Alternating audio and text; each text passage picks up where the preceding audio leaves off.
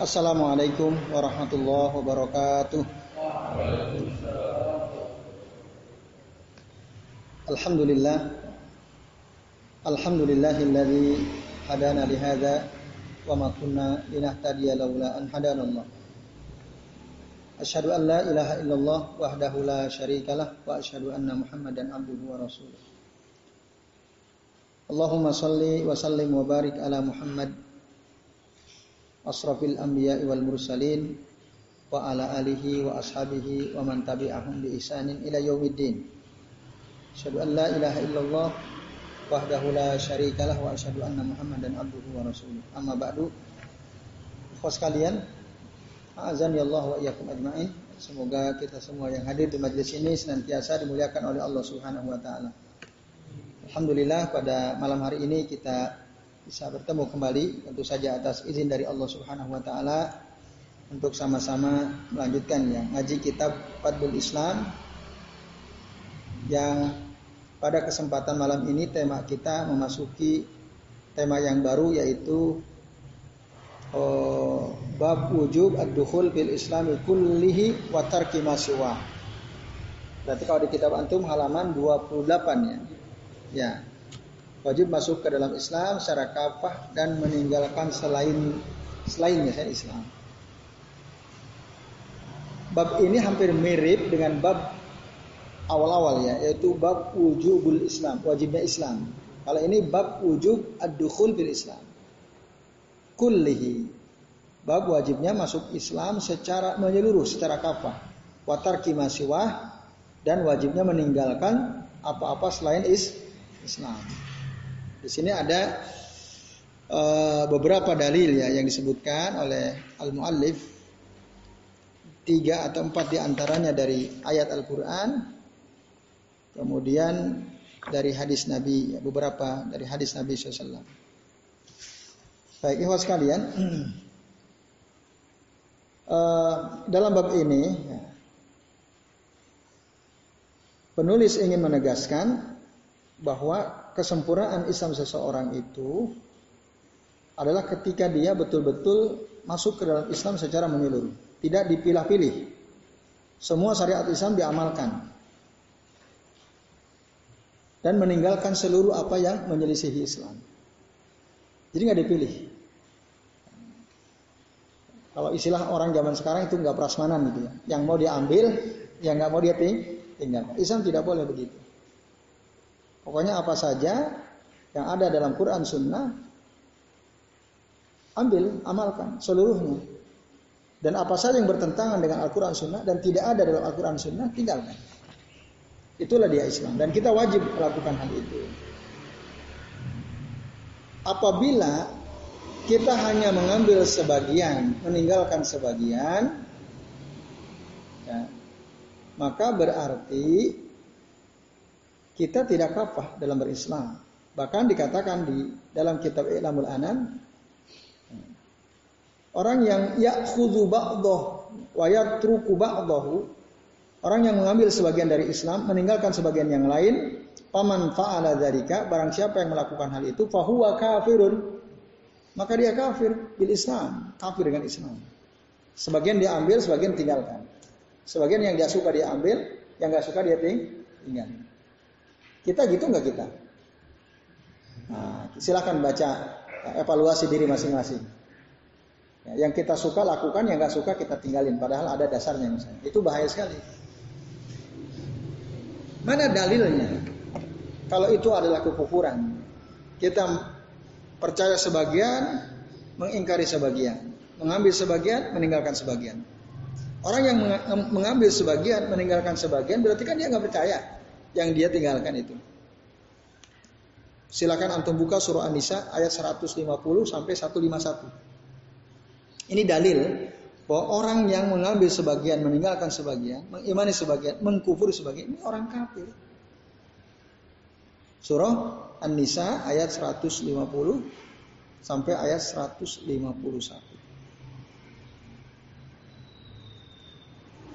Sudah ketemu? Saya baca ayatnya ya, nanti salah satu dari antum baca terjemah. Kalau Allah Ta'ala, Allah Ta'ala berfirman, Innal ladhina yakfuruna billahi wa rusulihi. wa yuriduna ayyufarriqu bainallahi wa rusulihi wa yaquluna nu'minu bi ba'din wa nakfuru bi ba'din wa yuriduna ayyattakhidhu baina dzalika sabila ulaika humul kafiruna haqqan wa a'tadna lil kafirina adzaban muhina siapa yang baca terjemahnya? Sudah ketemu ayatnya? Siapa yang mau baca terjemahnya Fadal salah satu dari antum. Masih saya Fadal Sesungguhnya orang-orang yang ingat kepada Allah dan Rasul-Rasulnya dan termasuk membeda-bedakan antara keimanan kepada Allah dan Rasul-Rasulnya dengan mengatakan kamu beriman kepada sebagian dan kamu mengingkari sebagian yang lain serta termasuk mengambil jalan tengah iman atau kafir mereka orang-orang kafir yang sebenarnya dan kami sediakan untuk orang-orang kafir itu alias yang menghinakan. Nah, ini ya. Jadi kalau sekalian, orang yang mengatakan nu'minu bi ini yang digaris bawahi kata-kata nu'minu bi ba'din wa nakfuru bi ba'din. Atau yuriduna ayyu farriqu bainallahi wa rasulih. Mereka ingin membedakan antara keimanan kepada Allah dan keimanan kepada Rasulnya. Kalau dulu ada orang, kalau Al-Quran saya terima, hadis Nabi nanti dulu deh. Dulu ada orang begitu, ingkar sunnah. Hadis Nabi nggak mau terima mereka. Tapi kalau Quran oke. Okay. Kenapa? Karena hadis Nabi menurut mereka ada sangat mungkin terjadi reduksi. Reduksi itu ya ada ada yang di, dihilangkan atau ditambahi gitu. Tidak utuh. Kalau Quran kami terima, tapi hadis nanti dulu. Nah, ini berarti yuriduna an yufarriku bainallah wa rasulih. Itu nggak boleh sikap seperti itu. Kenapa? Karena kita disuruh oleh Allah untuk mentaati Allah dan mentaati Rasul. Allah wa ati'u ar-Rasul. Taati Allah dan taati Rasul. Nah kalau kita beriman sama Allah tapi nggak beriman sama Rasul, ini namanya mengingkari ayat Allah tadi, Allah wa ati'ur Rasul. Atau ada ayat yang kita semua sudah sering mendengar ya. Khudu Wa ma atakumur rasulu fakhudhu wa ma nahakum anhu fantahu. Apa saja yang datang dari Rasul, ambillah. Dan apa saja yang dilarang oleh Rasul, maka tinggal tinggalkan. Nah, orang yang mau membedakan keimanan dia kepada Allah Rasulnya, berarti dia mengingkari. Satu saja ayat Allah yang ingkari, berarti dia sudah kafir. Satu saja ayat Allah yang dia ingkari, berarti dia sudah kafir karenanya. Apalagi kemudian kalau dia bilang wa yaquluna nu'minu bi ba'din wa nakfuru bi ba'din. Kami beriman kepada sebagian ayat dan mengingkari sebagian ayat yang lain. Atau kami mengingkari Quran tapi mengingkari, mengingkari hadis misalnya.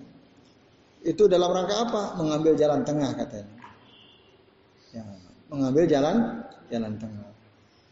Ini bahaya tuh. Ingin ngambil jalan tengah gitu ya toleran sama ini, toleran sama ini. Nah, jadi supaya damai. Ada orang mau ngadain acara Natalan ikut sama-sama buat merangkai pohon Natal. Kan ada kiai di Jawa Timur. Ya, ikut bersama orang-orang Nasrani membuat merangkai pohon Natal. Ya, seorang ustadz. Nah, jalan tengah nih jalan tengah biar damai gitu ya. Ini kan bahaya ini yang seperti itu. Maka padahal itu dilarang, tapi mereka enggak enggak menggubris. Kita berbaik-baik ya, dengan akidah mereka yang seharusnya akidah itu kita jauhi, akidah itu harus kita koreksi, tapi ini berbaik-baik. Tadi ngambil jalan tengah supaya damai kan gitu. Tujuannya kan gitu. Wong mereka aja pas kita lebaran ikut ini kan ikut bantu-bantu kita, masa mereka mau ngadain hari raya kita nggak bantu kan gitu? Ya kita bantulah. Jalan tengah. Ya. Hmm, itu. Yuriduna ayat takhidu baina dzalika sabila. Mana ayat yang mereka ingkari? Ya larangan untuk menyetujui akidah mereka kan dilarang. Laqad kafara alladziina qalu maka sungguh telah kafirlah orang-orang yang mengatakan Innallaha salisu salasin. Au salisu salasatin. Sesungguhnya Allah salah satu dari yang yang tiga. kafir. Allah bilang laqad kafara alladzina qalu innallaha salah salisu salah satu. Sudah kafir. Jadi orang-orang Nasrani baik Katolik maupun Protestan itu kafir dengan keyakinannya. Maka kita jangan berdamai dengan akidah mereka. Kita harus tolak. Kalau sama orangnya sih oke, sama orang ya, sama orang Nasrani, Protestan atau Katolik ya kita ketemu senyum, oke gak ada masalah. Dia motornya kehabisan bensin, padahal kok masih jauh, ya kita bantu dorong, boleh nggak? Boleh. Boleh, nggak ada masalah. Ini masalah sosial. Tapi kalau akidah nggak boleh. Nah, maka ketika dalam soal akidah ikut-ikutan, ya, bahkan saya lihat video tadi di medsos ya. Jadi para santri sambil pakai rebana nyanyi-nyanyi. Terus ada orang pakai sinterklas joget-joget di depan mereka. Dan itu dilakukan di gereja. Kan aneh deh. Nah ini ya, dilakukan di rumah ibadah mereka. Berarti dia mengingkari ayat tadi yang Allah bilang lakot kafaron ladina qalu innallaha salisu salasati. Mengingkari ayat itu. Apa lalu Allah bilang ulaika humul kafiruna haqqo. Mereka itulah ya, orang-orang yang betul-betul kafir. Menerima sebagian, menolak sebagian. Mengimani sebagian, mengingkari sebagian. Ulaika humul kafirun haqqo. Bahkan Allah bilang wa'tadna lil kafirina adzabam muhina. Dan telah kami siapkan bagi orang-orang kafir itu adab yang menghinakan. Nah ini. Jadi banyak orang keblinger ya sekarang. Nah, semoga Menteri Agama yang baru ini tidak tidak dorong-dorong untuk itu gitu ya nggak kebablasan. Nah, ini kan yang dikhawatirkan oleh banyak orang kan itu ya, khawatir kebablasan. Kan ngeri itu ya. Karena track record kan yang uh, membuat banyak orang khawatir gitu. Ini bapak-bapak dan ikhwas sekalian. Nah, kemudian dalam ayat yang lain dikatakan apa tuh minu nabi ba'dil kitab wa takfuru nabi ba'din. Apakah kalian mengimani sebagian Alkitab, Al-Qur'an dan mengingkari sebagian yang lain. Fama jaza may yaf'alu minkum dan tidak ada balasan bagi siapa saja di antara kalian yang melakukan hal ini, maksudnya me, mengimani sebagian, mengkufuri sebagian, illa kecuali hizun fil hayati dunia. Kehinaan dalam kehidupan dunia, wa yaumal qiyamati dan kelak nanti pada hari kiamat yuradduna ila asyadil adzab. Mereka akan di cemplungin ke adab yang sangat pedih. Wa mallahu bighafilin amma ta'malun dan Allah tidak akan pernah lalai dari apa yang yang kalian ker, kerjakan. Allah tidak akan lalai, semua dicatat. Nah, itu dalam surah Al-Baqarah ayat 85. Jadi ini ayat Al-Baqarah dari surah Al-Baqarah ayat 85 ini menambah keterangan kalau di ayat An-Nisa tadi 150 151 kan beriman sebagian, mengingkar sebagian, kafir. Yang kedua Allah sudah siapkan bagi mereka adab yang hina kelak di akhirat. Pada ayat 85 surah Al-Baqarah Allah tegaskan tambahannya. Bahkan di dunia mereka akan diganjar oleh Allah dengan diberikan apa? Ya, hidzun fil hayatid dunia. Kehinaan dalam kehidupan dunia. Jadi di dunia pun terhina mereka itu. Di dunia pun ter, terhina. Pada hari kiamat nanti akan didorong ya, digiring mereka kepada azab yang pedih ya. Dan Allah tidak akan lalai atas itu semua. Ini pas kalian azan ya Allah wa Mukaddimah dari bab ini. Kemudian dalil yang pertama disebutkan dari surah Al-Baqarah ayat 208. Ya ayyuhalladzina amanu wahai orang-orang yang beriman Udhulu fisilmi kafah. Udhulu fisilmi kafah. Wahai orang-orang yang beriman, masuklah kalian ke dalam asilm di al-Islam maksudnya. Masuklah kalian ke dalam Islam kafah, jami'an semuanya. Ini ketika kita masuk Islam, maka masuklah ke semua aturan-aturan Islam, syariat-syariat Islam. Tidak boleh ada yang tinggalkan sebagian. Nah, itu. Dan syariat Islam itu sumbernya Al-Quran dan Sunnah sumbernya. Allah Ta'ala memerintahkan kita untuk meninggalkan semua yang bukan bagian dari Islam, baik dari kekufuran maupun dari bid'ah maupun dari kemaksiatan. Itu dilarang. Mengingkari enggak boleh, berbuat bid'ah tidak boleh, bermaksiat juga tidak boleh. Karena itu bukan bagian dari Islam. Nah itu ya sekalian. Jadi kufur bukan bagian dari Islam jelas sekali. Bid'ah bukan bagian dari Islam. Bid'ah bukan. Jadi jangan anggap remeh perbuatan bid'ah atau muhdasat.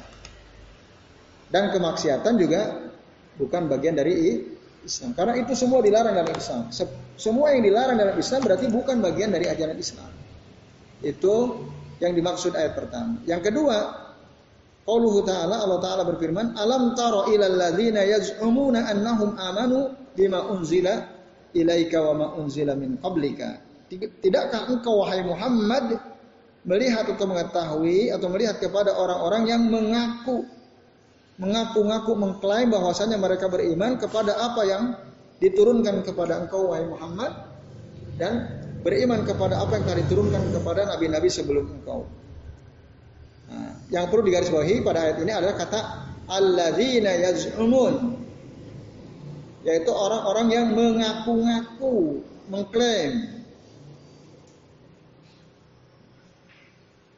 Nah, ini. Ini pertanyaan lil ingkar ya. Untuk mengingkari. Jadi orang yang ngaku-ngaku tok katanya beriman kepada apa yang diturunkan oleh Allah kepada Rasul beriman kepada apa yang Allah turunkan kepada rasul-rasul sebelum Nabi Muhammad ini pengakuan mereka toh nah itu kalau dia ngaku masuk Islam harusnya dia berhukum dengan syariat Islam seluruhnya harusnya nah ini yang ngeri ini ya kalau ngaku saya muslim saya percaya kepada apa yang Allah turunkan kepada Nabi Muhammad kalau dia ngomong gitu, kita ngomong gitu, harusnya semua syariat Allah yang Allah sampaikan kepada Rasulnya kita terima, kita terapkan. Maka pernyataan sebagian kaum muslimin kita tegakkan syariat Islam di negeri ini itu benar. Harus, harus begitu harusnya kita tegakkan. Tapi ketika kita ngomong begitu banyak nggak orang nolak? Menolak. Kenapa menolak? Emangnya di sini muslim itu apa? Emangnya yang dulu berjasa muslim itu apa kan gitu ya? Orang alergi dengan syariat Islam. Wong kami juga berjasa, mereka juga berjasa. Nggak boleh dong begitu. Nah, itu sebabnya. Nah, ini yang yang masalah besar adalah orang beriman yang aku muslim, lalu dia ngomong yang ikut andil memerdekakan negeri ini kan juga ada orang non muslim. Masa kita mau tegakkan syariat Islam? Bagaimana dengan mereka kan itu? Udah ciut duluan hatinya. Orang-orang gini bahaya itu orang-orang seperti itu. Apalagi kalau dia punya masa, wah lebih bahaya lagi. Itu fitnah besar bagi kaum muslimin. Yang menolak ditegakkan syariat Islam di negeri ini padahal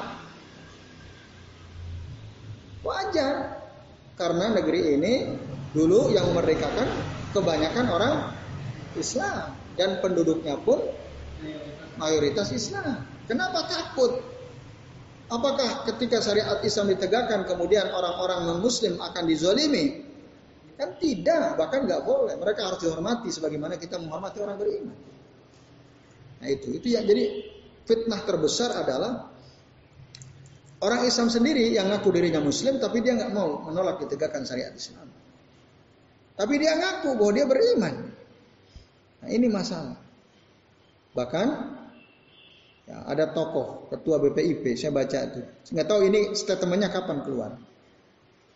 Kalau perasaan saya sih udah agak lama, tapi dimunculkan lagi ya. Yang intinya dalam mengelola negara ini kita harus ya, mengedepankan ayat-ayat konstitusi itu ayat-ayat konstitusi kesepakatan manusia jadi kitab suci dan hadis Nabi itu harus berada di bawah ayat kon konstitusi. Ini ajakan ini kan bahaya sekali. Berarti dia berhukum dengan selain hukum Allah yaitu togut namanya. Itu. Maka fa innahu yaf'alu hadza qad dhalalan ba'ida. Barang siapa yang melakukan hal ini tidak mau berhukum dengan syariat Allah, dengan Quran kita kitab suci dan hadis Nabi, faqad dhalla dhalalan ba'ida. Maka sungguh orang ini telah sesat dengan kesesatan yang jauh. Karena dia telah meninggalkan syariat Islam wa arada ghairal Islam dan dia berarti menginginkan sesuatu selain Islam.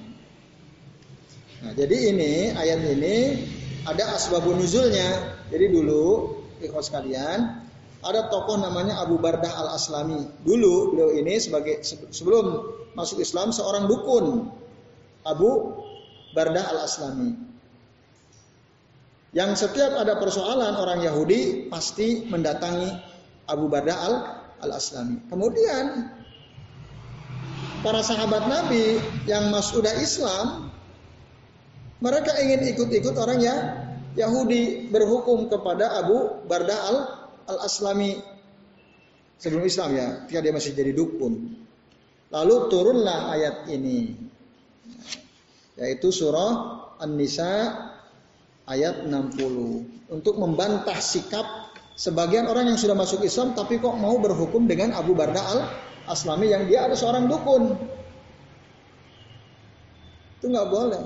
Ya harus kembali ke hukum Islam. Harus ikuti hukum Islam. Bab apa? Semua kejahatan kan ada di bahasan Islam. Pencurian, perzinahan, fitnah, ya apalagi semua ada. Ya. Masalah jinayat lah, tindakan-tindakan kriminal di dalam Islam sudah dijelaskan. Itu maka tidak boleh kita berpaling dari Islam lalu kita merujuk kepada sesuatu di luar Islam. Nah, maka bapak-bapak dan ikhwas kalian, azan ya Allah Ini yang perlu sama-sama kita perhatikan. Jangan sampai kita lebih mengedepankan untuk menentukan suatu perkara hukum ini bukan dari Quran dan bukan dari Sunnah. Harus Quran dan Sunnah. Nah, dengan demikian, nah kita perlu mengetahui bagaimana hukum menetapkan suatu perkara hukum dengan sesuatu yang bukan berasal dari Allah ya, tidak berasal dari Al-Quran dan Sunnah. Penulis kitab I'lamul Ana mengatakan al-hukmu bi ghairi ma anzalallahu ta'ala mata yakunu kufran i'tiqadiyan akbar wa mata yakunu kufran amaliyan asghar. Jadi berhukum dengan hukum selain apa yang diturunkan oleh Allah, ada saatnya dia menjadi kafir secara i'tiqadi. Tapi ada saatnya jadi kekufuran yang besar. Tapi ada saatnya dia kafir secara amali. Dan ini disebut kekufuran yang kecil. Ada saatnya seseorang terjerembab pada kekufuran yang besar atau ada saatnya dia terjerembab pada kekufuran yang kecil. Saat apa? Berhukum bukan dengan hukum is Islam baik dari Quran maupun dari hadis Nabi SAW. Lalu dijelaskan ayatnya sudah kita pernah bahas juga Kan ada tiga ya ayat yang hampir mirip bunyinya di dalam surah Al-Maidah apa Anisa itu. Wa man lam yahkum bima anzalallah fa ulaika humul kafirun. Itu kan satu. Wa man lam yahkum ah, surah Al-Maidah ya 44 45 47. Ya, yang pertama ayat 44 waman lam yakum bima anzalallah faulaika humul kafirun. Orang yang tidak berhukum dengan Al-Qur'an yang telah Allah turunkan berarti mereka ini orang kafir. Nah, ini berarti ku al-kufru al-akbar. Tapi ada juga ayat lam yakum bima anzalallah faulaika humuz zalimun. Barang siapa yang tidak berhukum dengan apa yang Allah telah turunkan, maka mereka ini orang zalim itu ayat 45-nya. An Al-Maidah. Ayat ke-47-nya Wa man lam yahkum bima anzalallah fa ulaika humul fasikun. Fasik. Tiga tuh. Kafir, zalim, fasik. Mana yang paling berat? Kafir. Yang paling berat kafir. Nah, tapi ini perlu ditafsir ya, dirinci kapan seseorang menjadi kafir, kapan seseorang menjadi zalim, kapan seseorang menjadi fasik. Ketika dia tidak berhukum dengan Al-Quran dan Sunnah atau dengan hukum Islam. Nah, jadi tidak tidak semua kita bilang kafir itu hati-hati juga. Orang khawarij begitu orang khawarij. Pokoknya siapa saja yang tidak berhukum dengan hukum Allah kafir. Darnya negerinya negeri kafir. Al Indonesia darul kufur. Indonesia ini negeri orang kafir li anna ya, al hakim fi hada al balad la yahkum bima anzalallah. Karena hakim pemerintah yang ada di negeri ini tidak berhukum dengan hukum Allah kafir.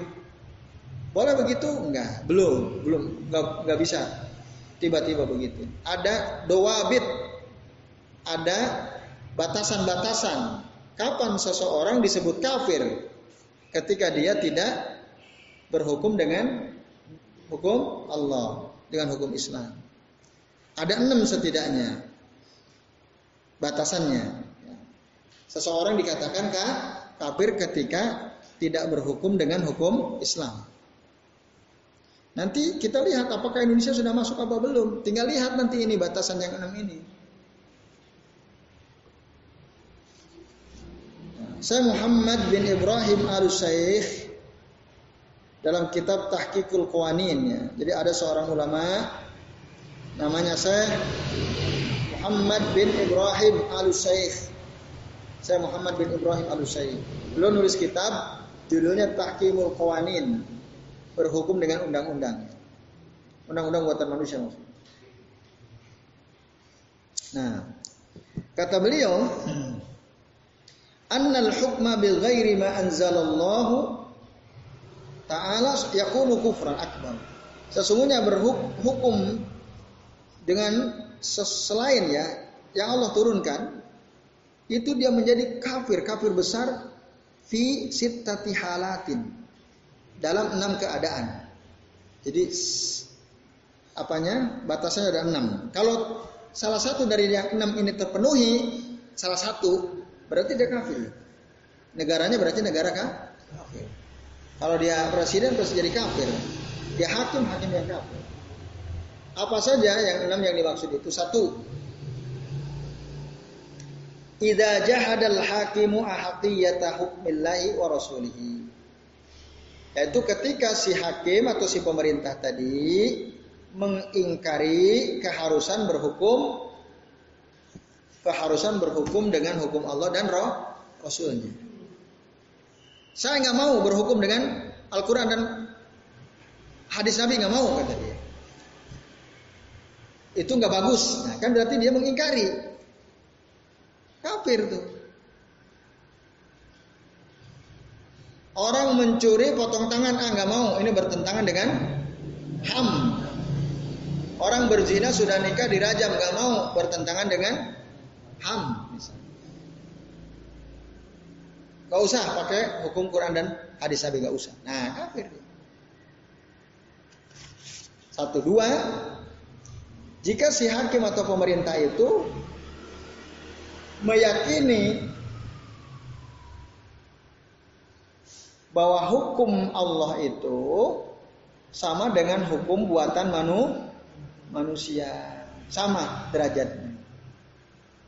Undang-undang ini yang disepakati di uh, eh, DPR MPR itu kedudukannya sah, sama dengan Al-Quran atau dengan hadis nah, Nabi sama kuatnya ini juga telah kafir. Kenapa? Karena dia menyamakan produk pikiran manusia dengan Al-Quran dan hadisnya disamain kafir. Ngapain sih pakai Quran Sunnah? Wong pakai undang-undang yang kita buat aja udah oke okay kok. Gak usah pakai Quran Sunnah. Kafir. Wong sama kok kedudukannya. Kan gitu. Kafir. Dia yakini sama. Yang ketiga lebih parah. Dia meyakini bahwa undang-undang selain Al-Quran dan hadis Nabi itu lebih baik. Nah, BPIP itu. Ya. Jadi ayat-ayat konstitusi lebih tinggi daripada ayat-ayat kitab su suci dan hadis Nabi. Dia menganggap undang-undang yang dibuat berdasarkan akal pikiran manusia itu lebih afdal afdalu min hukmillahi jalla jalaluh. Kafir Ayatnya tadi, wa man lam yakum bima anzalallah wa ulaika humul kafirun. Yang keempat, orang yang meyakini atau pemerintah yang meyakini bahwa berhukum dengan selain Al-Quran dan hadis Nabi itu boleh. Dia meyakini boleh, jais ya. Berhukum dengan selain Al-Quran dan hadis Nabi itu boh, boleh. Walaupun dia menganggap hukum Allah lebih tinggi. Hukum Allah lebih utama.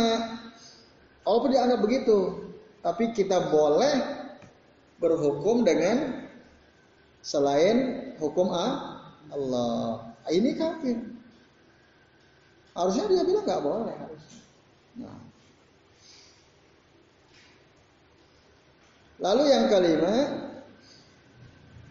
orang-orang yang menerapkan hukum buatan manusia dengan keyakinan akan benarnya itu. Yakin buatan manusia pasti benar. Ini juga menjadi kafir. Dan yang keenam orang-orang yang meyakini kebenaran hukum adat. Jadi hukum adat semua itu pasti benar. Atau hukum kobail ya, kobilah, suku-suku. Nah, itu menurut penjelasan dari saya Muhammad bin Ibrahim al Syekh. Nah, kalau keenam keadaan ini tidak ada, berarti dia masuknya nanti kafir apa, apa maksudnya berarti dia fasik atau zolim. Kalau ada salah satu yang enam berarti dia kafir. Nah, itu ikhwas sekalian ya azan ya Allah wa iyyakum Nah, kemudian uh, penjelasan berikutnya terus kalian ayat yang keberapa berarti? Ketiga ya. Allah Ta'ala berfirman, Innal ladzina farraqu dinahum. Sesungguhnya orang-orang yang memecah belah agama mereka wa kanu siya'a dan mereka berkelompok berkelompok lasta minhum fi engkau Muhammad ya bukanlah bagian dari mereka sedikit pun atau engkau Muhammad berlepas diri dari mereka itu Berlepas diri dari mereka. Mereka siapa? Yaitu orang-orang yang memecah belah aga, agama. Orang-orang yang berkelompok-kelompok lalu bangga dengan kelompoknya. Kemarin kita udah bahas fanatik asobiyah dengan kelompok. Nabi Muhammad berlepas diri dari mereka. Artinya mereka bukan umat Nabi Nabi Muhammad. Kita udah singgung kemarin dengan adanya kelompok-kelompok ormas-ormas itu, agama jadi pecah. Iya kan? Coba aja lihat perhatikan. Sendiri-sendiri. Nah itu kan ngeri. Kalau nggak fanatik sih silahkan aja. Berkelompok nggak ada masalah dalam Islam ya. Selama tidak ada fanatik terhadap kelompok. Tapi kalau udah asobiyah fanatik bahwa yang paling benar ada kelompoknya, ketika berselisih dengan kelompok lain, yang lain salah, yang benar kelompok kami. Maka kelompok lain nggak usah dikasih jadwal khutbah, nggak usah. Kan gitu. Khutbah kalau bisa kelompok kita semua. Yang ngisi pengajian di kantor-kantor BUMN, masjid-masjid BUMN itu harus dari kita semua. Dari bukan golongan kita nggak boleh. Nah, itu bahaya sekali. Karena golongan yang di luar kita itu keliru, nah, itu bahaya. Ketika kita berselisih harusnya gimana? Kembali pada Quran Sunnah. Fa in fi farudduhu ilallahi wa rasulih. Kalau kalian berselisih dalam suatu perkara, kembalikanlah kepada Allah dan Rasulnya. Udah. Jangan malah kita kekeh dengan pendapat kelompok kita. Itu itu nggak boleh ya misalnya. Ya contoh sederhana lah. Apa misalnya? Tahlilan gitu ya. Ada orang melakukan, ada orang juga tidak melakukan. Berselisih kan orang? Iya kan? Di kampung-kampung banyak tuh. Udah tahlilan itu yang benar. Yang lain jangan itu beda. Kan gitu. Konflik dari sisi pandangan. Ya masih mending sih kalau hanya pandangannya. Yang repot kan kalau udah mulai fisik. Kan? Nanti yang mana yang terbanyak terkuat bubarin yang tidak lebih banyak kan itu yang repot. Nah, karena merasa benar. Ketika berselisih begitu harusnya duduk bareng bersama-sama musyawarah. Yuk kita ngobrol. Yuk kita berdiskusi. Yuk kita kembali lihat ayatnya. Yuk kita lihat ha hadisnya. Itu caranya. Fa in tanaza'tum fi ilallah. Maksudnya kembalikanlah kepada Allah, kepada Al-Qur'an. Wa dan kepada rasulnya. Farudduhu ilallah wa wa rasul ya. Nah itu sekalian. Ya duduk. Ada enggak dalam Quran? Ada enggak dalam hadis? Enggak ada. Oh ya udah, enggak ada kita tinggalin tahlilan berarti enggak benar. Tapi kan kita udah berpuluh-puluh tahun melakukan. Oh, walaupun ente udah berpuluh-puluh tahun. Kalau nggak ada dalam Quran dan Sunnah tinggalin. Kan gitu. Ini kan baik. Baik dalam agama ukurannya bukan otak kita. Bukan pikiran kita. Bukan karena ini kan banyak orang melakukan. Bukan banyaknya orang yang melakukan. Tapi ada enggak dasarnya dalam agama. Kalau enggak ada udah. Kan gampang banget kan sebenarnya. Selesai. Rasul dulu pernah enggak? Enggak pernah udah. Selesai. Nah, itu. Jadi kembalikan Kunut subuh ada enggak? Udah diskusi, buka semua hadisnya. Kan gitu.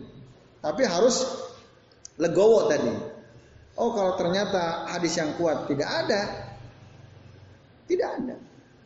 Kalau ternyata hadis yang kuat ada, ya ada. Gitu. Tinggal kembali saja kepada Al-Quran dan Sun. Nah, ini. Karena sesungguhnya umat Islam ini satu. Allah Ta'ala mengatakan Inna hazihi ummatukum ummatan wahidah Sesungguhnya umat ini, umat kalian ini adalah satu umat wa ana rabbukum dan akulah Tuhan kalian kata Allah fa'buduni maka sembahlah aku. Allah tegaskan umat Islam ini hanya satu. Jangan berpecah belah. Dalam urusan agama kalau berselisih tadi diskusikan. Jangan malah bangga dengan pendapat tokohnya masing-masing. Maka ketika kita melakukan suatu amalan, kita sudah pilih yang terbaik bukan karena tokoh, tapi karena da dalil. Gitu. Bukan karena ormas kita uh, keputusannya sesuai dengan apa yang kita pahami, bukan.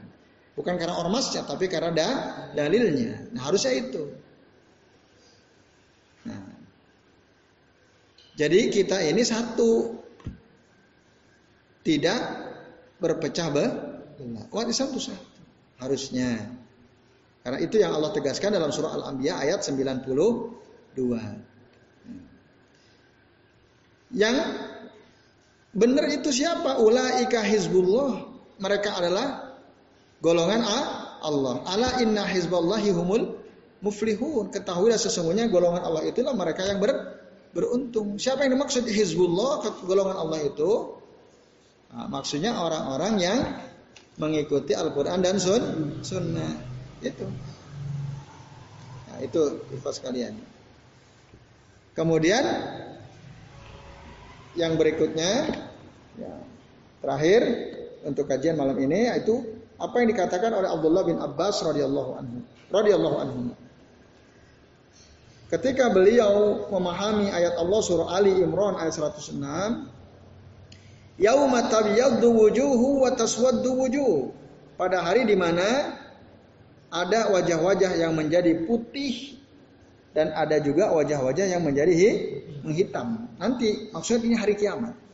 Hari kiamat itu nanti ada orang-orang wajahnya putih bersih bercahaya, tapi ada banyak orang yang wajahnya hitam, kelam, tidak menarik. Ya. Dilihatnya menghitam wajahnya. Nanti secara garis besar orang itu ada dua dilihat dari wajahnya. Ada yang putih bersih bersinar, ada yang hitam menghitam wajah. Siapa yang putih, siapa yang menghitam? Abdullah bin Abbas, sahabat yang oleh Rasul didoakan menjadi ahli Quran. Allahumma ij'alhu turjuman Al-Quran. Kata Rasul, ya Allah jadikanlah dia Abdullah bin Abbas sebagai ahli Al-Quran. Maka beliau ahli tafsir yang sangat populer di kalangan sahabat adalah Abdullah bin Abbas. Beliau menafsirkan ayat 106 surah Ali Imran kata beliau apa? Tabiyaddu wujuhu ahli sunnati wal iktilaf. Yang kelak wajahnya itu putih, bersih di hari akhir adalah wajah ahlu sunnah wal jamaah wal iktilaf itu yang bersatu. Ahlu sunnah itu yang mengikuti sun. Semua sunnah Rasul diikuti. Dan selalu hatinya terpaut pada Quran dan sunnah. Itulah yang akan bercahaya wajahnya, akan putih wajahnya pada hari kiamat. Sementara yang taswaddu wajahnya menghitam itu siapa? wujuhu ahlil bidai wal ikhtilaf yaitu wajahnya para ahli bid bid'ah pelaku bid'ah dan orang-orang yang suka berselisih berselisih menyelisihi dalil. Enggak disuruh malah dilakukan. Disuruh malah ditinggalkan itu ikhtilaf. Al bidah jelas. Ya. Hujan ya Alhamdulillah. Allahumma sayyiban Nah ini dia teman-teman sekalian ya. Jadi apa yang dikatakan oleh Abdullah bin Abbas ini sangat penting untuk kita renungkan. Perkataan sahabat, jika tidak ada yang menentang satupun sahabat yang lain, maka disebut ijma, namanya ijma sukuti. Nah, ijma sukuti kesepakatan berdasarkan diamnya sahabat yang lain. Sukut itu diam maksudnya. Ijma sukuti itu artinya ijma kesepakatan yang ditunjukkan dengan diamnya sahabat-sahabat lain. Tidak ada yang menolak. Itu ijma. Sukuti namanya. Nah, ada lagi namanya ijma sorry. Ijma sorry itu lawan kata dari ijma sukuti ijma sharih itu sahabat A ngomong begini, sahabat B mengiyakan. Saya, oh iya begitu, iya begitu, iya begitu. Nah, itu namanya ijma sharih. Kesepakatan yang tegas. Dan kedua ijma itu dalil. Bisa jadi dah dalil. Nah, apa yang dikatakan oleh Abdullah bin Abbas radhiyallahu anhu ini dalil karena ini ijma sukuti. Gak ada yang menyelisihi beliau. Nah, ini teman-teman sekalian ya azan ya Allah wa iyyakum. Jadi jangan suka menyelisihi Quran dan sunnah. Jangan suka memecah belah um umat. Bangga dengan perbedaan. Ciri-ciri kami begini begini begini. Ciri-ciri kami. Kan udah menyempal tuh. Harusnya ciri-ciri muslim kan begitu. Bukan ciri-ciri kami. Kalau udah ciri-ciri anggota kelompok kami, ciri-ciri ormas kami, amalnya ini, ini, ini, ini. Kalau nggak ngamalin ini, ini, berarti bukan kelompok kami. Nah, itu bahaya. Nggak begitu. Harus kembali ke Islam. Islam itu begini-begini.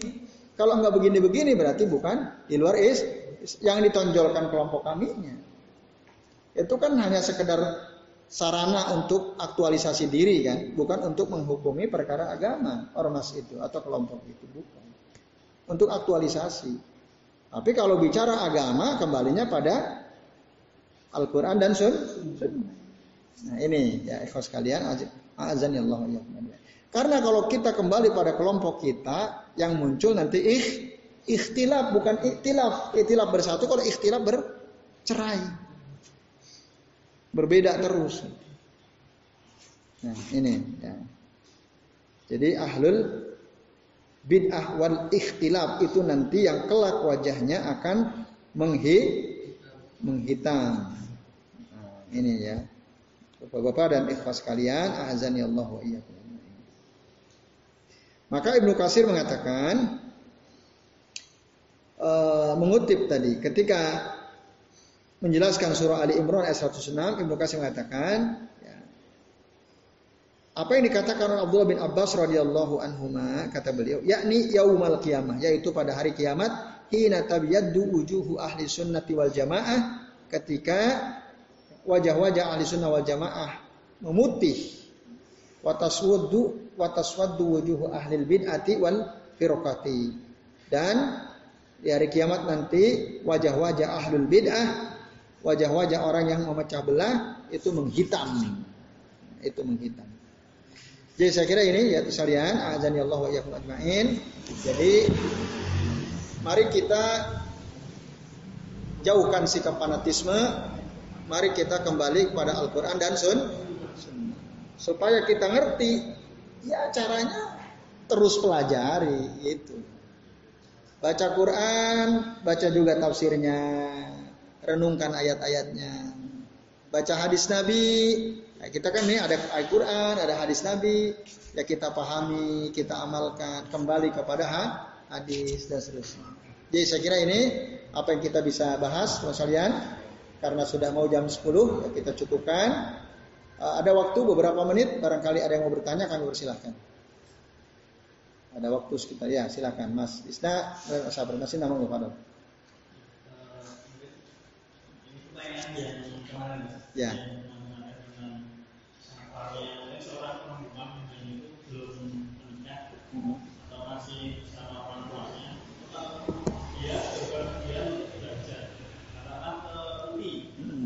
Jakarta itu apakah harus ada mungkin orang tuanya menitipkan ke siapa atau dia jadi walinya ya. dia atau kalau enggak itu sebenarnya apa itu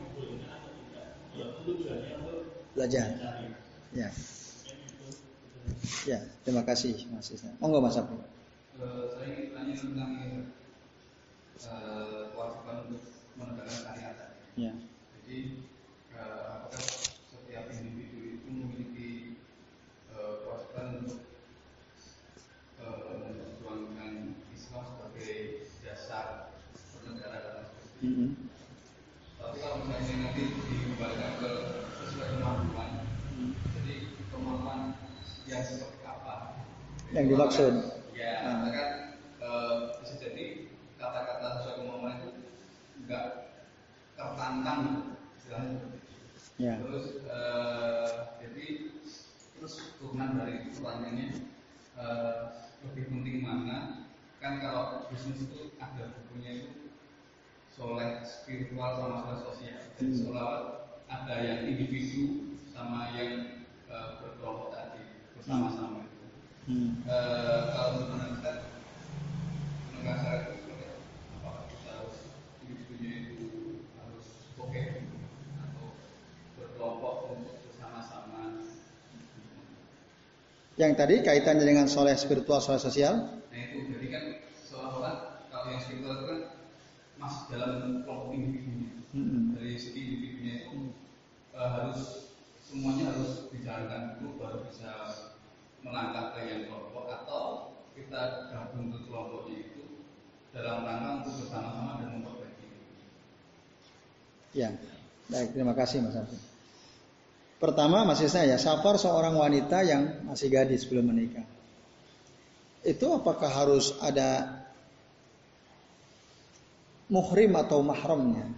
Muhrim dan mahram udah pernah dijelaskan ya. Bedanya muhrim sama mahram. Apa? Muhrim itu apa? Satu makna muhrim itu satu orang yang berpakaian ihram, yang kedua apa? Ada dua dalam kitab Lisanul Arab. Ini kamus bahasa Arab besarnya, ada 10 jilid. Saya di rumah alhamdulillah punya ya, Lisanul Arab. Nah, saya baca di kitab itu muhrim itu satu orang yang berpakaian ihram. Yang kedua adalah orang yang bisa memberikan jaminan keamanan. Itu muhrim. Orang yang bisa memberikan jaminan keamanan kepada seorang wanita, muhrim. Nah, kalau kita sering dengar istilah muhrim mahram muhrim mahram itu maksudnya kedua, bukan orang yang berpakaian ihram, bukan. Itu. Karena itu orang yang berpakaian ihram ini istilah khusus kan, term khusus saat haji umroh saja. Tapi yang term umumnya ketika kita mendengar kata muhrim maksudnya orang yang bisa memberikan jaminan keamanan kepada seorang wanita. Nah, jadi wanita itu kalau mau safar baik dia masih gadis maupun sudah bersuami tidak tidak boleh sendirian. Walaupun nanti para ulama memberikan batasan yang nggak boleh sendirian itu safar yang seperti apa? Dia mengatakan safar yang ya membutuhkan waktu satu hari satu malam. Safar yang harus menempuh waktu satu hari satu malam itulah harus ada mahram atau muhrimnya. Harus ada kalau nggak ada mahram ya berarti mu muhrimnya kan gitu. Nah, sementara kalau kurang dari itu, ya, tapi itu khilaf ya ada khilaf. Ada yang mengatakan batasannya itu. Jadi kalau kurang dari satu hari satu malam, sendirian gak ada masalah. Kan gitu maksudnya kan, apa yang bisa dipahami kan? Nah, ada yang mengatakan keberadaan mahram atau muhrim bagi seorang wanita yang safar, safarnya itu ya, yang menurut uraf, menurut kebiasaan kita itu dikatakan jauh, walaupun mungkin gak satu hari semalam. Tapi uraf kebiasaan kita mengatakan itu safar yang jauh. Sini Jakarta, menurut uraf kita jauh apa dekat? Jauh kan? Tapi kalau ditempuh satu hari satu malam atau tidak? Butuh waktu satu hari satu malam nggak? Nggak nyampe, tergantung kendaraannya apa dulu kan gitu. Kalau pesawat sejam, naik bis 10 6, 6 jam. Sekarang 6 jam. Mungkin lewat tol barangkali ya 6 jam. Tapi kalau dulu saya antara 10 sampai 12 jam. Naik kereta itu sekitar 10 jam dulu ya. Sekarang mungkin bis bisa lebih cepat. Tapi secara uruf sini Jakarta jauh apa enggak? Jauh. Nah, jika safar secara uruf dikatakan jauh, harus ada mahram atau muhrim. Tapi kalau tidak secara uruf nggak jauh misalnya dari sini ke balai kota mau ngurusin KTP jauh apa dekat dekat kan nah, berarti boleh sendirian karena secara uruf itu dikatakan dekat. Sama sebagaimana si wanita itu mau belanja ke warung tetangga. Kan boleh sendiri, tidak perlu didampingi oleh mahram atau muhrimnya. Nah, ini ya ikhwas sekalian ya, masih jadi maknanya kalau dulu sih ada seorang sahabat mau jihad. Terus istrinya itu mau haji sendirian. Dari Madinah ke Mekah itu sama seperti sini di Jakarta, 500 kilo. Kata Rasul, isimu sendirian. Kamu nggak usah ikut jihad, temenin isimu haji. Kan gitu. Karena kalau dia safar harus ada mahramnya atau muhrimnya. Suami itu mahram atau muhrim?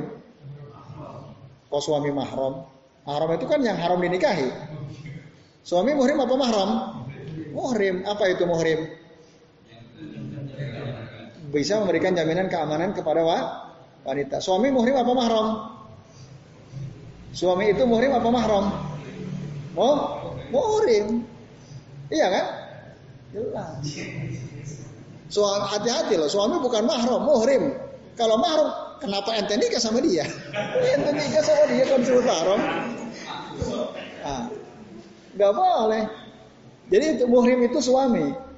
Kalau mahram siapa? Paman, kakak, adik, ayah, kakek, mahram. Tapi kalau suami muhrim. Itu ya. Anak muhrim apa mahram? Mahram. Karena haram nikah dengan anak. Nah, muhrim itu bisa suami atau bisa selain suami. Misal ada sekelompok wanita, ada 10 orang wanita semua. Mereka bisa saling mengamankan satu sama lain atau tidak? Berarti bisa jadi muhrim. Banyak wanita banyak gitu ya. Mau kuliah di UI, berapa orang? Ada 10 orang dari Jogja. Kosnya berdekatan. Nah, itu udah bisa jadi muhrim, saling melindungi mereka. Itu. Atau ya tadi orang tuanya datang nganter ke sana, lalu nitipkan ke bapak ibu kos gitu ya. Nah, Pak tolong nanti anak saya dijaga. Gitu ya. Nah, berarti ya siap gitu kan. Nah itu berarti si bapak kos bisa jadi muhrim. Gitu. Boleh tuh udah tinggalin kan gitu. Jadi gitu Mas Isa. Jadi muhrim itu apa tadi artinya? Seseorang yang bisa memberikan jaminan keamanan bagi seorang wanita. Khusus wanita loh ya. Kalau laki-laki nggak perlu muhrim. Laki-laki kok. Itu ya. Laki-laki jalan sendirian ke mana pun boh boleh. Tapi tentu lebih baik kalau ada temannya kan gitu. Maksudnya ya lebih baik apalagi jauh. Dalam ada dasarnya itu lebih baik lebih baik. Ketika ada apa-apa kan ada yang. Walaupun beda dengan wanita kalau wanita memang tegas sekali harus ada ada muhrim atau ada mahram. Nah, ini ikhwas sekalian tentang apa yang ditanyakan oleh Mas Isna tadi ya. Jadi ya caranya gitu bisa. Tapi orang tuanya jangan antar dulu atau mahramnya ya kakaknya, adiknya, pamannya antar ke sana sampai carikan kos, titipkan. Ya sebagai wali sementara kan selama dia kuliah di UI misalnya. Ya itu. Kemudian kewajiban menegakkan syariat Islam, memperjuangkan untuk menegakkan syariat Islam itu wajib bagi setiap individu muslim. Bagaimana supaya syariat Islam ini di, ditegakkan terutama tentu saja pada diri sendiri, pada keluarga, pada lingkungan, baru pada yang lebih lebih besar lagi, lebih luas lagi. Diri sendiri dulu. Kalau mau merubah diri sendiri dulu. Teriak-teriak ingin tegaknya Islam, sampai ceri kalau sholat telat terus gak berjamaah. Ya, gimana? Tegakkan dulu syariat Islam, aturan Islam pada diri sendiri. Ya. Gitu teriak-teriak tapi dia pacaran mulu kan gitu. Boncengan ke mana-mana berdua padahal belum suami istri. Tapi teriakannya tegakkan syariat Islam, tegakkan syariat Islam. Dia sendiri enggak menegakkan syariat pada dirinya.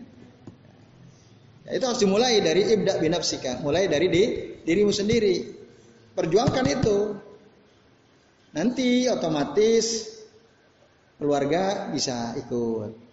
Lingkungan bisa ikut dan seterusnya. Maka supaya bisa menegakkan syariat Islam pada diri sendiri gimana caranya? Ya belajar, kita harus punya ilmunya kan itu.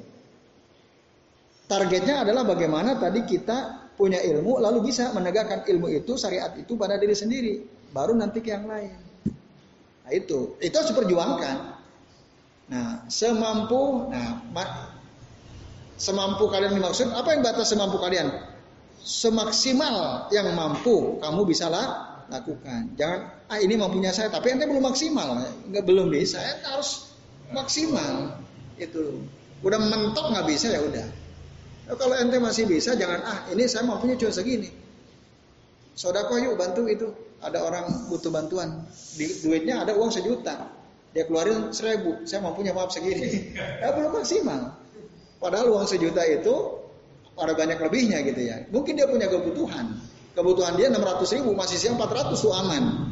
Tapi pas suruh nyumbang cuma 1000 gitu. Ini semampu saya. Itu belum maksimal. Nah, belum mak maksimal. Itu. Nah, itu yang dimaksud sesuai kemampuanku, sesuai dengan kemampuan maksimal.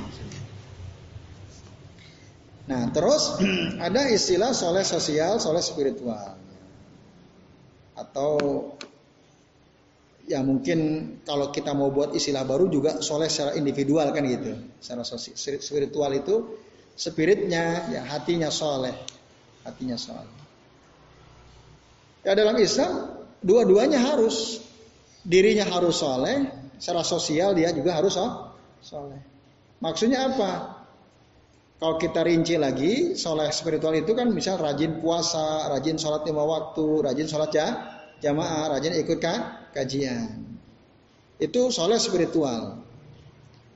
Nah, juga harus soleh secara sosial, rajin bantu oh, orang, peduli sama orang lain. Ya, ikut berpartisipasi dalam mewujudkan kemaslahatan di masyarakat misalnya. Ronda memberikan kemaslahatan atau tidak? ikut berpartisipasi ronda. Ah, aku nggak mau ronda ya. Kenapa? Lebih baik tidur. Ronda gak ada manfaatnya. Ada manfaatnya. Ya. Ada manfaatnya. Manfaatnya apa? Ya kita bisa dakwah di situ kan, ngobrol. Nah, itu soalnya secara sosial. Kerja bakti. Kok nggak kerja bakti? Ini saya soalnya ada pengajian nih kan. Kok setiap kerja bakti ke pengajian terus misalnya? Ya, ada saatnya kita luangkan waktu untuk kerja bakti. Karena itu mewujudkan kemaslahatan sosial kan itu. Jadi perlu itu. Ya harus begitu memang, harus begitu. Soleh secara sosial dan soleh secara spiritual harus seimbang lah intinya. Nah, ini ya, ikhwas kalian, azani Allah wa. Jangan hanya soleh secara spiritual, tapi secara sosial kita diasingkan, kita apalah, enggak serawung sama orang gitu ya. Berjenggot udah bagus, celana di atas mata kaki udah bagus, tapi nggak nggak pernah mau nimbrung sama orang. Nah itu nggak bagus, harus nimbrung. Nah, tadi ya apa? Ronda ya waktunya ronda ya ronda. Kecuali kalau di kelompok ronda itu ada kemaksiatan, kita nggak punya power gitu ya. Mungkin bisa tuh kita menghindar. Tapi kalau kita punya power, punya kekuatan untuk ikut mewarnai ya, obrolan yang tadinya mungkin ngobrol ngaco terus, kita hadir, kita temanya kita ikut mewarnai tema gitu. Saya sendiri juga gitu ya di kampung itu kan. Ya awalnya berat, tapi ya, tadi saya sadar ini penting. Nah, nanti ketika ngobrol, udah kita ikut masuk gitu ya. Pelan-pelan ketika ngobrol ngalor ngidur nggak jelas, gibah ini itu, ngobrol sesuatu ya kita masuk. Kayak tadi malam saya ronda tuh, oh menarik ngobrolnya sampai panas itu ya antara sesama anggota ronda itu. Ngobrolin soal muslim dan kejawen gitu ya. Jadi ada, iya, saya, aku ini Jawa nih kejawen gitu. Dia kan nggak pernah sholat, kelihatan nggak pernah sholat lima waktu. Sholatku itu sehari 24 jam kata dia. Nah, dalam ajaran Jawa yang yang aku yakin begitu sampai mau ribut itu. Ya itu ya. Terus akhirnya ya ya jangan inilah jangan panas-panasan kata yang lain. Ya kita kan apa tuker kaweruh lah istilahnya gitu ya. Kamu pahamnya begini aku pahamnya begini begini. Eh, jadi nggak usah panas lah gitu ya. Nah saya mau masuk belum bisa tuh. Ini, ini karena emosi kan emosi. Saya hanya tepuk-tepuk aja dia itu. Wah kok begitu pak? Oh begitu pak. Nah, nah itu. Nah, ikut masuk gitu. Nah sehingga dia kan dia kan punya kesan jelek terhadap Islam gitu. Dia punya kesan jelek. Ada itu ustadz usia tiga. Kan bagi dia jelek itu. Kalau di kejawen nggak boleh itu. Tokoh yang dihormati itu nggak boleh isinya lebih dari satu. Banyak yang gitu ya. Nah itu. Oh, nah, lalu kan dibantah. Siapa bilang itu Sri Sultan selirnya banyak? Ayo, ayo katanya. Gini-gitu. Nah itu lain lagi, aku aku rujukannya bukan Sri Sultan, aku yang di Solo katanya. nah, lain lagi tuh, langsung, langsung dibantah itu ya. Nah, itu, nah menarik itu obrolan teman-teman Ronda itu ya. Nah, cuman saya belum bisa masuk ya, dengerin aja dulu. Nah, Ustaz Hasan bingung nggak? Ya sebenarnya bingung. Ada banyak hal yang saya konfirmasi. Tapi saya bilang kalau saya konfirmasi nanti nggak menarik ceritanya. Lanjut aja dulu lah saya bilang lanjut dulu. Nah itu, nah, kayak gitu itulah. Ya. Kan secara sosial jadi oh kita serawung juga kan. Walaupun mungkin saya sendiri kadang ada hal yang saya nggak paham kan. Ya biasanya saya nanti tanya setelah itu tanya itu maksudnya apa ini maksudnya apa kan gitu. Jadi saya kira begitu ya. Jadi emang kita sebagai muslim harus soleh secara individual ya secara spiritual juga harus soleh secara sosial. Nah, soleh secara sosial itu sangat penting. Orang yang soleh secara sosial, orang yang peduli dengan keadaan sosial kan. Ketika dia lihat ada kemungkaran di lingkungan, dia pasti tergerak untuk memperbaiki kan gitu. Coba kalau orang hanya soleh secara spiritual, nggak peduli, yang penting aku baik kan gitu, itu bahaya. Orang yang hanya soleh secara spiritual, tidak soleh secara sosial, ketika ada kemungkaran di lingkungan, ya nggak peduli, nah, itu bahaya. Wattaku fitnatan la tusibanna alladziina zalamu minkum khassah. Peliharalah di kalian dari azab Allah yang tidak hanya menimpa orang-orang zalim saja secara khusus. Wa'lamu ketahuilah innallaha sadidul azab, sesungguhnya Allah itu adabnya sangat keras. Kenapa? Tadi kalau kita diam saja, terhadap lingkungan sosial, walaupun kita soleh secara spiritual, ah, itu bahaya. Nanti ketika ada Allah turun kena juga, kena juga. Lalu Nabi menjelaskan, ya, barang siapa yang tinggal di suatu kaum, yuk malu fihimul maasi, di kaum itu ada perbuatan kemaksiatan, walam yugayiru, summa yakbiruna ala yugayiru, walam yugayiru. Mereka sebenarnya bisa menghentikan, dia bisa menghentikan kemaksiatan itu, tapi dia tidak menghentikannya yusaku ayyamahumullahu biiqabi minhu. Bisa saja Allah akan menyegerakan azabnya atau meratakan azabnya. Azab dari Allah. Itu Allah akan ratakan azabnya. Kita hidup di tengah-tengah masyarakat, tapi nggak peduli, nggak soleh secara sosial, bodoh amat lah urusan kemungkaran yang penting saya keluarga enggak. Itu nanti yusiku ayyamahumullahu biiqabi minhu. Allah hampir saja meratakan azabnya kepada mereka semua. Jadi harus nah orang yang soleh secara sosial bahasa Qurannya orang yang soleh secara spiritual individual disebut soleh. Orang yang soleh secara sosial disebutnya musuh disebutnya. Musuh. Soleh musuh itu beda. Orang soleh itu mungkin orang suka semua orang sama orang soleh. Oh dia rajin banget ke masjid, jamaahnya oke, okay, puasanya oke. Okay. Orang senang. Tapi kepada orang muslim, orang yang melakukan perbaikan di lingkungan, karena kemaksiatan dia berusaha hentikan, pasti banyak orang benci. Iya kan?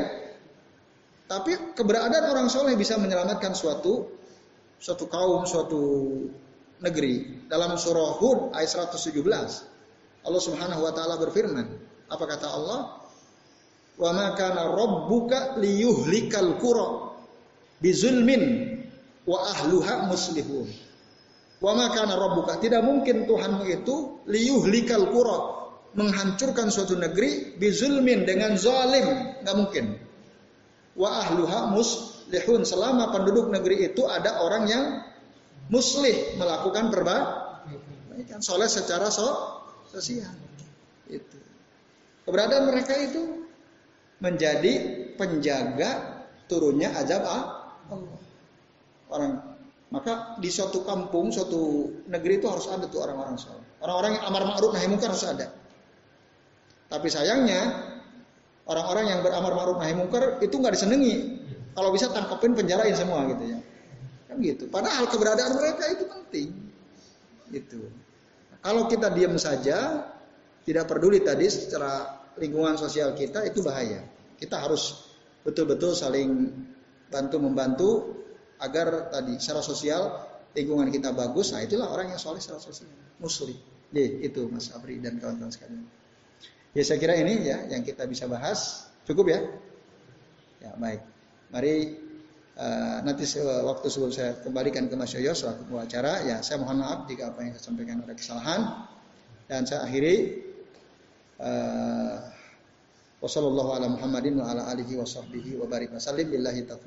Wassalamualaikum warahmatullahi wabarakatuh. Waalaikumsalam.